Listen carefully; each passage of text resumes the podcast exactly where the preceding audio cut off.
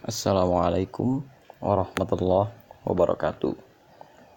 Hari ini kita akan memasuki tahapan yang lain dari periode dakwah jahriyah yaitu persoalan hijrah.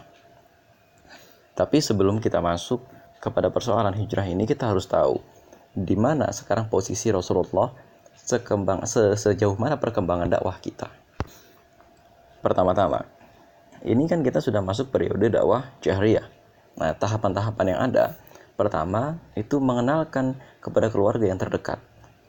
Ketika tahapan ini terlampaui, maka Rasulullah itu mengenalkan ke ruang-ruang publik. Artinya kan keluarga itu bukan ruang publik. Nah, ini sekarang Rasulullah itu mengenalkan ke ruang publik. Setelah selesai mengenalkan ke ruang publik, Rasulullah menggunakan metode mujizat. Nah, ketika mujizat sudah turun, nah langsung nanti disambung dengan metode yang selanjutnya yaitu mengatakan azab, mengenalkan azab atau menjanjikan azab. Nah, ketika sudah sudah dijanjikan azab semacam ini, maka kemudian jadi terang karena segala macam perdebatan dengan ketika Rasulullah itu menerangkan Islam di ruang publik, perdebatan-perdebatan itu berjalan dan kemudian ternyata selalu bisa terbantahkan oleh Rasulullah. Ketika mereka meragukan konsep ketuhanan, dijawab oleh surat Al-Anfal, ya, dijawab oleh surat Al-An'am itu full dibantah semua. Ketika mereka meragukan Al-Quran, ini dibantah gitu ya oleh surat Al-Furqan. Ketika mereka meragukan kenabian itu sendiri, surat Al-An'am, surat Al-Hajj, dan surat Al-Anbiya turun untuk membantah itu semua. Dan seterusnya. Ketika mereka juga membantah mengenai azab, ini juga kemudian turun surat Al-Qamar, turun juga kemudian surat As-Saffat, dan turun lagi surat Hud untuk menenteramkan hati Rasulullah. Nah, surat-surat ini turun susul menyusul sehingga kemudian hujah itu menjadi jelas. Al-Qur'an itu menjadi terang dan seruannya Rasulullah itu juga menjadi jelas. Nah, sampai di sini eh, orang-orang Quraisy itu tampaknya tidak bisa lagi melakukan apa pun untuk karena mendebat itu kalah semua dan mereka tersihir ya, ya bahasanya itu atau ketika segala hujah mereka itu sudah kalah, sudah gagal, maka yang bisa mereka lakukan adalah mencegah secara fisik atau membunuh. Maka dalam konteks ini, penyiksaan kepada para sahabat itu sudah tidak tertahankan. Abu Bakar Siddiq itu dipukuli sampai hidungnya hancur. Utsman bin Affan itu digulung ke dalam sebuah tikar dan tikar itu diasapi dari bawah. Artinya dia dijadikan daging asap itu Utsman bin Affan. Amr bin Yasir, ayahnya yaitu Yasir dan ibunya Sumayyah itu sampai dibunuh ya dan berbagai macam siksaan-siksaan lain. Ya yang ini ini tidak tertahankan. Adapun Abu Bakar As-Siddiq ini dilindungi oleh kaumnya. Nabi Muhammad juga dilindungi oleh kaumnya. Di samping memang Nabi Muhammad sendiri aura atau kewibawaannya itu masih cukup kuat lewat Abu Talib. Tapi yang lain nasibnya sudah tidak karuan. Bilal bin Robah ya Bilal bin Robah itu ditindas apa di, di ya ditindas dengan batu dan kemudian dijemur dan batunya itu terlebih dahulu dipanaskan sampai pernah gitu ya e, disiksa gitu kan sampai kemudian api yang digunakan untuk menyiksa punggungnya Bilal itu padam lantaran lemak yang jatuh dari punggungnya Bilal itu. Nah, itu itu jadi penyiksaannya sudah sedemikian tidak karuan. Ketika penyiksaannya sudah sedemikian parah, maka kemudian gitu ya, setelah itu Allah menurunkan surat Az-Zumar ayat 10 dan selanjutnya. A'udzu billahi minasyaitonir rajim. Bismillahirrahmanirrahim. Qul ya ibadilladzina amanu taqu rabbakum lilladzina ahsanu fi hadhihi dunya hasanah wa ardullahi wasi'ah innama yuwaffas sabiruna ajrahum bighairi hisab. Qul ya ibadilladzina amanu taqu rabbakum Katakanlah wahai orang-orang yang beriman, bertakwalah kepada Allah lilladzina ahsanu fi hadhihi dunya hasanah. Siapa yang berbuat baik di dunia ini, maka balasannya adalah ahsanah, itu kebaikan di surga nanti. Penggalan pertama dari ayat 10 ini artinya kita diminta untuk bertakwa kepada Allah. Bertakwa itu artinya hanya menuruti kehendak Allah, berhati-hati ketika bersikap, berhati-hati ketika bicara. Setelah itu akan janji ini bagi orang-orang muslim yang pada saat itu perbuatan baik. Ahsan pada saat itu ya dalam konteks sirah nabawiyah itu bisa diterjemahkan atau bisa dikatakan sebagai meninggalkan penyembahan berhala.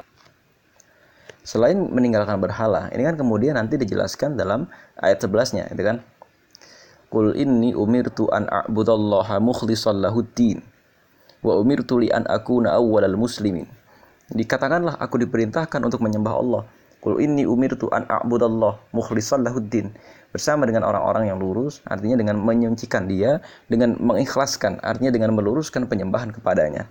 Tanpa ada elemen berhala di sana, tanpa ada elemen kesyirikan di sana, tanpa kita ibaratnya gitu ya melakukan penyembahan kepada Allah itu seperti yang dilakukan oleh orang-orang Quraisy ketika menyembah Allah. Nah, baru di sini ditekankan mereka itu kan sebetulnya disiksa dan lain-lain itu lantaran sebetulnya mereka itu mengembangkan konsep keislaman atau Allah itu menurunkan konsep keislaman dalam konteks peradaban. Bukan cuma masalah ideologi. Karena kalau cuma masalah ideologi, nggak ada orang itu disiksa Mana ada sih orang yang berpikir itu jadi salah? Kecuali kita tahu bentuk dari dia berpikir, maka dia melakukan sesuatu. Kenapa sih kok orang-orang itu disiksa? Perbuatan ahsanu fi dunya semacam apa sih yang mereka lakukan? Kan lilladzina ahsanu fi hadhihi dunya hasanah. Mereka yang melakukan perbuatan baik. Tapi kok kemudian perbuatan baik semacam apa yang mengakibatkan mereka disiksa? Apakah hanya sekedar la ilaha illallah Muhammad Rasulullah? Ternyata seperti kita ketahui, wahyu pertama dari Al-Qur'an, Iqra bismi rabbikal ladzi khalaq. Mikirlah, bacalah dengan nama Tuhanmu yang menciptakan. Mikir saja apakah cukup? Enggak, ini tatarannya masih ideologi. Kalau kita lihat di ayat limanya, alamal insana malam ya'lam, hanya memberitahu. Orang yang berpikir lalu dia tahu, itu masih belum berbahaya. Tapi yang jadi masalah, wahyu kedua yang turun. Ya ayyuhal mudathir, kum fa'angzir. Wahai orang yang berselimut, bangun dan berilah peringatan. Ini baru yang bahaya. Ketika orang yang tahu, orang yang pintar, orang yang berpikir, lalu dia bergerak, maka ini adalah bahaya laten bagi tiran. Ini adalah bahaya laten bagi orang-orang yang selama ini mengembangkan kebatilannya dan menindas orang.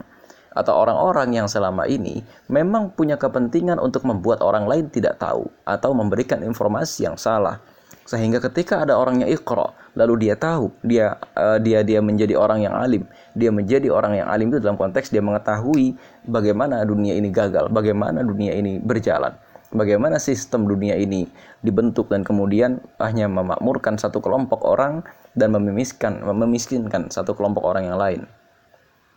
Nah sampai di sini inilah bahayanya. Um fa'anzir bangun lalu berilah peringatan. Dia cuma tidak tidak tidak tidak hanya diminta untuk membuat satu gerakan, tapi fa'angzir dia juga diminta untuk menyebarluaskan pengetahuannya kepada orang lain.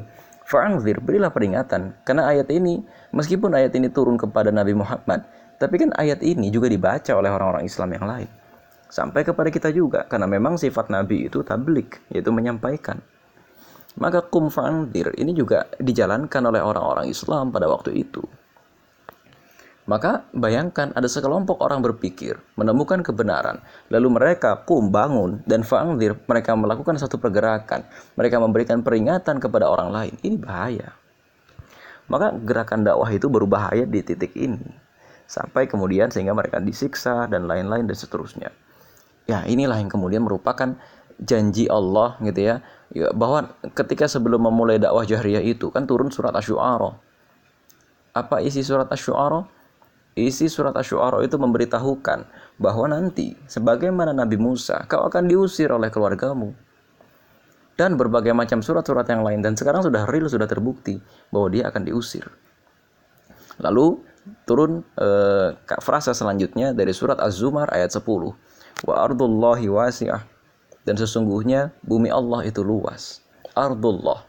Artinya ini dikatakan satu bumi ini milik Allah. Tenang saja, kau pindah ke mana saja, Allah ada di sana. Kau pindah ke mana saja, kau tetap akan ada dalam perlindungan Allah. Hanya yang jadi masalah sekarang begini, ini kan ternyata kalangan ahli tafsir sepakat ayat ini diturunkan mengenai hijrah.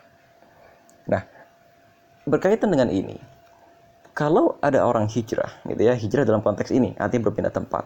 Sebenarnya tujuan hijrah Rasulullah itu apa sih? Apakah murni hanya kemudian menyelamatkan diri? Atau kemudian hijrah ini juga digunakan untuk membangun suatu basis. Nah, ini yang jadi jadi pertanyaan gitu ya. Sedangkan uh, Al Ustadz Muhammad Munir Ghotban itu memberitahukan kita dalam kitabnya Manhaj Haroki bahwa memang Rasulullah itu ketika hijrah itu membangun basis. Argumen pertama, jadi begini. Kalau memang Rasulullah itu hanya pindah saja secara ideologi saja, jadi menyembunyikan diri dan lain-lain gitu ya. Ini ngapain uh, nggak nggak nggak nggak sekedar pindah ke tempat yang biasa aja, tapi kenapa nggak pindah sekalian ke tempat-tempat yang memang di tempat-tempat itu ideologinya saja yang bisa terjaga? Kenapa tidak mereka membangun satu kota yang baru? Atau kenapa tidak mereka itu kemudian berkompromi saja dengan orang-orang itu toh secara pola pikir tetap sama? Itu yang pertama. Yang kedua, Kenapa Rasulullah di situ mengisyaratkan tempat berpindahnya itu, yaitu daerah Habasyah? Ini punya raja yang adil. Adil ini dalam konteks tentu saja itu melindungi orang siapa pun yang e, dizolimi di negerinya akan dia kembalikan haknya dan yang menzolimi akan dia berikan sanksinya. Artinya begini, ini ini karakter e, dakwah itu tidak akan bisa mulus-mulus saja di tempat yang di sana keadilan itu tidak ada atau keadilan tidak merata. Nah, Rasulullah itu di awal-awal itu memerintahkan pergilah ke sebuah tempat ya di tempat itu rajanya adil. Kenapa? Karena rupanya Islam itu sesuai dengan fitrah. Islam itu sesuai dengan fitrah manusia yang memang hati manusia itu senantiasa akan merindukan keadilan. Maka dalam konteks ini keadilan berpikir terutama. Kan nanti ketika Rasulullah pindah itu itu akan bersentuhan dengan kekuatan politik Nah, kan gitu. Itu bahasan pertama. Bahasan kedua berkaitan dengan wa'ardullahi wasi'ah. Ini eh, apakah yang kemudian pindahnya itu dalam konteks uh, menyelamatkan diri saja gitu ya lemah gitu kan. Terus kemudian setelah pindah itu ya sudah pindah dalam artian convert. Pertanyaannya ternyata tidak seperti itu juga gitu loh. Ternyata berkaitan dengan tugas agama di sini sebagai kum fanglir berkaitan dengan ketika seorang muslim sudah memeluk agama Islam dia harus kum dia harus bangkit lalu fanglir dia memberikan peringatan. Hijrah itu baru ketika gitu ya proses kita berdakwah proses kita memberikan peringatan itu tidak bisa lagi dijalankan nah apakah sama dengan pengertian hijrah yang sekarang agak sedikit berbeda mengapa karena memang e, pengertian hijrah yang sekarang ini datangnya bukan dari sirah nabawiyah. Hijrah yang sekarang ini itu lebih ke arah convert pengertiannya. Convert dari dia keyakinan jahiliyah menuju keyakinan Islam. Atau dia keyakinan Islam yang dulunya masih belum aktif sebagai seorang muslim, sekarang dia berkomitmen aktif sebagai seorang muslim. Dalam pengertian itu, ya mungkin bisa dikatakan itu convert gitu bahasa kita. Nanti berpindah saja. Tapi kalau hijrah dalam konteks migran gitu ya atau dalam konteks eh, berpindah itu dalam konteks menyelamatkan diri dan lain-lain tentu saja berbeda konteksnya. Artinya mereka ini dalam kondisi keimanan yang prima, tidak ada masalah dengan keimanan mereka, tapi mereka tidak punya tenaga untuk melindungi diri mereka sendiri, kehormatan mereka sendiri, atau juga melindungi diri orang lain yang sesama muslim. Ini harus dibedakan. Jangan kemudian kita membayangkan ketika hijrah itu terus kemudian hidupnya membaik. Enggak juga. Atau kemudian ketika hijrah itu kemudian uh, uh, apa sifatnya jadi berubah dan lain-lain. Enggak juga. Karena apa? Ini digunakan oleh saudara-saudara kita yang kemudian agak menyimpang gitu ya yang memang menyimpang dari orang-orang yang menganut keyakinan uh, yang cukup keras khawarij.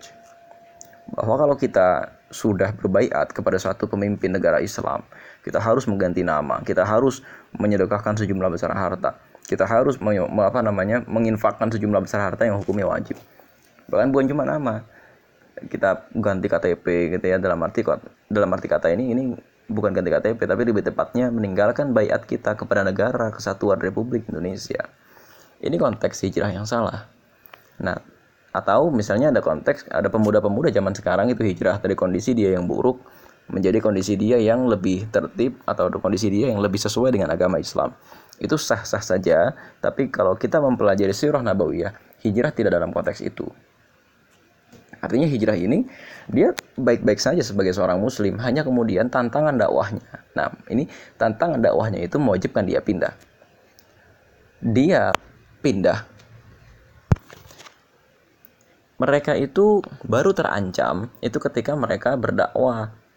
Jadi bukan karena mereka lemah, bukan karena mereka itu futur, bukan karena mereka itu melakukan berbagai macam kemaksiatan lalu hijrah mendapatkan lingkungan yang baik. Artinya begini, kalau ini ada ibroh gitu ya. Pertama, kalau misalnya kita hijrah dalam konteks zaman sekarang, tapi yang kita ubah itu cuma lingkungannya. Kita cuma ganti temen gitu ya ganti temen ganti tempat dari dari tadinya mungkin kafe bar atau pinggir jalan terus kita sering ke masjid dan lain-lain. Tapi kita tidak mengubah mental diri kita menjadi mental kum fa'antir atau menjadi mental soleh. Itu percuma.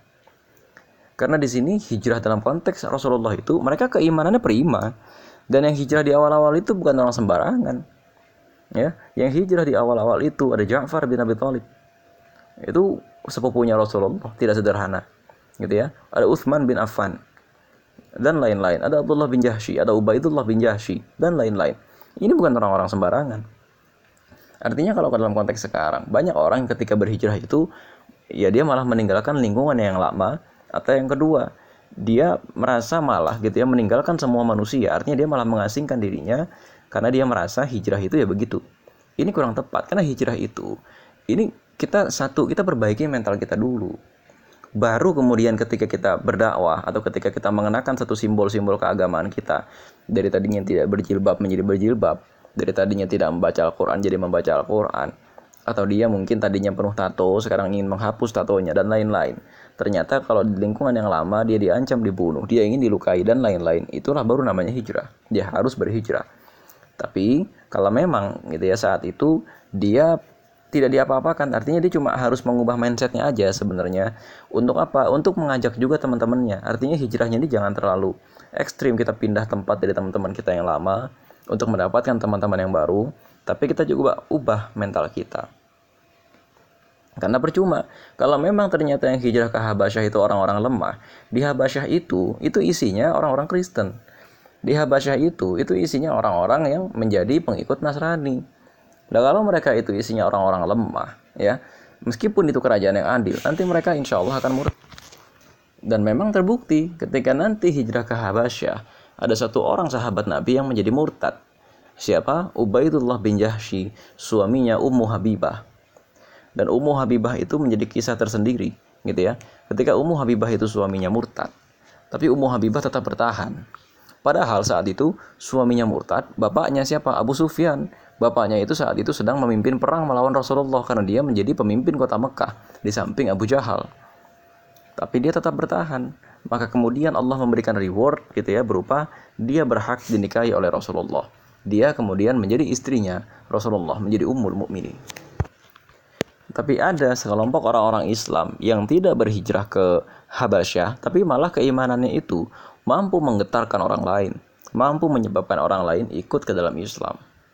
Ya, artinya gini, masalah pindah tempat, masalah pindah pergaulan, pindah lingkungan, sebetulnya nggak ada masalah ketika memang kitanya sudah punya modal. Meskipun pada satu titik, pindah lingkungan juga penting, gitu ya. Pindah lingkungan juga penting, itu. Tapi kemudian tidak tidak tidak juga tanpa persiapan hati yang cukup, tidak juga tanpa persiapan keagamaan yang cukup. Itu aspek pertama dari hijrah. Nah, e, kembali kepada surat Az-Zumar ayat 10 tadi, surat Az-Zumar ayat 10 ini ditutup dengan innama yuwaffas sabiruna ajrahum bighairi hisab. Nah, ini kepada orang-orang yang sabar akan ada pembalasan yang Allah tuh nggak menghitung-hitungnya. Artinya kita disuruh bersabar karena begini, yang namanya hijrah itu, kita akan meninggalkan orang tua, kita akan meninggalkan keluarga, kita akan meninggalkan segala-galanya, lingkungan yang lama. Dan ini nggak nggak sederhana. Kita akan meninggalkan kenangan-kenangan pada masa-masa buruk dulu. Kita akan meninggalkan sana keluarga yang selama ini mensupport kita, yang selama ini mendukung kita. Tapi satu hal yang tidak didukung, ini masalah akidah. Kita akan meninggalkan kota kelahiran kita, karena di sana tidak tidak able lagi untuk dakwah. Inilah yang dirasakan oleh orang-orang berhijrah. Kalau kita belum merasakan itu, kalau kita belum merasakan kerinduan itu, sehingga Allah sampai harus memerintahkan kita bersabar, artinya kita belum berada hijrah. Ya, barangkali kita itu ya belum seberapa jatuh, belum seberapa keras berjuang, sampai kemudian perjuangan kita itu belum mewajibkan hijrah, karena kita juga belum kena dampak yang luar biasa dari perjuangan kita itu maka innama yuwaffas sabiruna ajrahum bighairi hisab. Bersabar. Artinya gini ini babak baru gitu ya. Ini ini metode baru. Kalau sebelumnya uh, wasbir alama yaquluna wahjuruhum hajrun jamila dan seterusnya itu turun berkaitan dengan sabar berpaling aja diemin aja. Kalau ini innama yuwaffas sabiruna ajrahum bighairi hisab. Sabar di sini dalam konteks kau akan pergi, kau akan meninggal, meninggalkan lingkunganmu yang lama. Kau harus bersabar. Kau harus bersabar agar jangan sampai kau larut dalam kerinduan. Agar jangan sampai kau kemudian di negeri orang yang jauh sana amanah dakwahmu jadi jadi kendor. Keaktifan dakwahmu jadi jatuh gara-gara kau rindu. Dan ini juga mengandung pengertian. Orang-orang yang hijrah itu memang orang-orang yang cukup kuat. Ya, orang-orang yang memang ketika dia pergi dari lingkungan yang lama, dia tidak beragama atau dia juga tidak menjalankan satu ritual hanya lantaran semua orang menjalankan itu.